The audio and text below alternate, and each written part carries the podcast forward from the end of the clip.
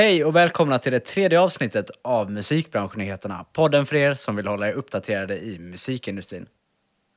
Idag så ska jag prata om Apple som har gått och blivit lossless och spatial. Apple släppte tidigare i veckan nyheten om att deras tjänst Apple Music kommer ifrån och med juni att erbjuda lossless audio och spatial audio. Och detta helt utan att tumma på priset på abonnemangen. Det är stort.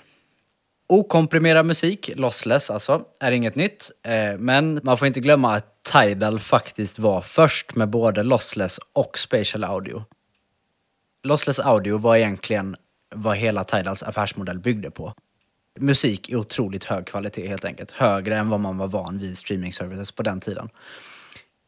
Och det här är som ni vet inte första gången som Apple tar ett koncept som fungerar och gör det till sitt eget, sätter ett nytt namn på det och sen presenterar det för världen som, som något helt nytt. Men det är väldigt kul att det här börjar komma till den breda massan, för Tidal har inte ens en bråkdel av prenumeranterna som varken Apple eller Spotify har. Det är dock lite ironiskt att både AirPods och deras flaggskeppsmodell AirPods Max inte kommer stödja lossless audio. Det är faktiskt inte Apples fel, utan det har helt enkelt med naturliga begränsningar i Bluetooth-överföringen att göra. Den klarar helt enkelt inte av att hantera den datan som krävs utan att det liksom blir lagg egentligen.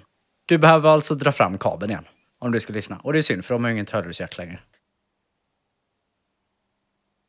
Vi vill bara tillägga att jag är ingen audiofil. Jag har till och med nedsatt hörsel i högerörat. Men jag har gjort mina timmar på både Hi-Fi-klubben och i studion.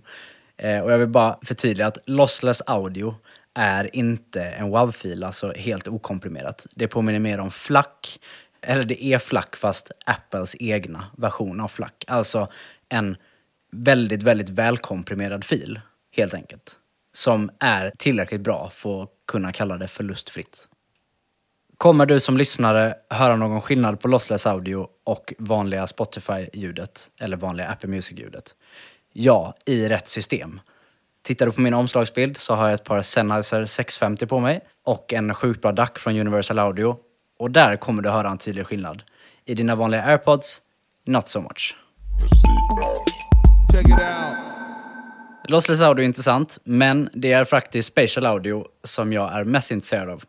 Eh, de teasade lite om detta redan 2020 och de verkar ha använt tiden för att förfina mjukvaran och samla ihop en hel katalog, eh, tusentals låtar enligt dem, av musik som stöder formatet. Och för att förklara spatial audio lite snabbt så är det kort och gott surround-ljud, fast för hörlurar. Eh, vanligtvis så för att något ska kallas surround ska det gärna vara fyra kanaler minst, alltså ljud ska komma från fyra håll. Men Apple har med deras sjukt sofistikerad mjukvara och då ett gy gyroskopet i din telefon faktiskt kunnat lösa den här effekten av surround i bara stereohörlurar.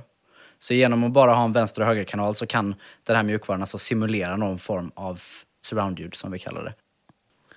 Och det är sjukt fett för att jag tror att hela produktionskedjan kommer att få en helt ny dimension, alltså i musik då.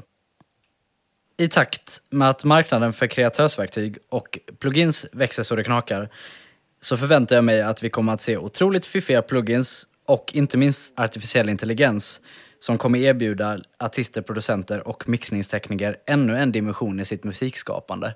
Man kommer kanske gå från att ratta vänster-höger i kanal till att börja ratta vänster-höger, upp, ner, sydväst, sydost. Liksom, eh, ny, ny, en helt ny form av musikskapande helt enkelt. Eh, det känns också logiskt som att Spatial Audio kommer på något sätt att integreras i Apples utveckling av VR för att göra upplevelsen verkligare och mer tillgänglig. Eh, jag kan tänka liksom, du, du drar på dig VR-headsetet, går in i en livekonsert, en digital livekonsert, typ Roblox, som Sara Larsson ska hålla i nu. Och där inte bara ha VR utan även kunna simulera liksom högtalare i den digitala världen som sen korresponderar med den här spatial audio-funktionen. Så du kommer liksom få ett ännu mer immersive experience. Så vi får la se helt enkelt vad som händer här i framtiden. Men jag tycker att spatial audio, det är typ det fetaste som har hänt eh, streaming services på hur länge som helst. Ännu mer intressant än faktumet att Spotify idag har ingått ett avtal med Storytel. Och det var allt för den här gången. Glöm inte att prenumerera på podden, så hörs vi nästa vecka.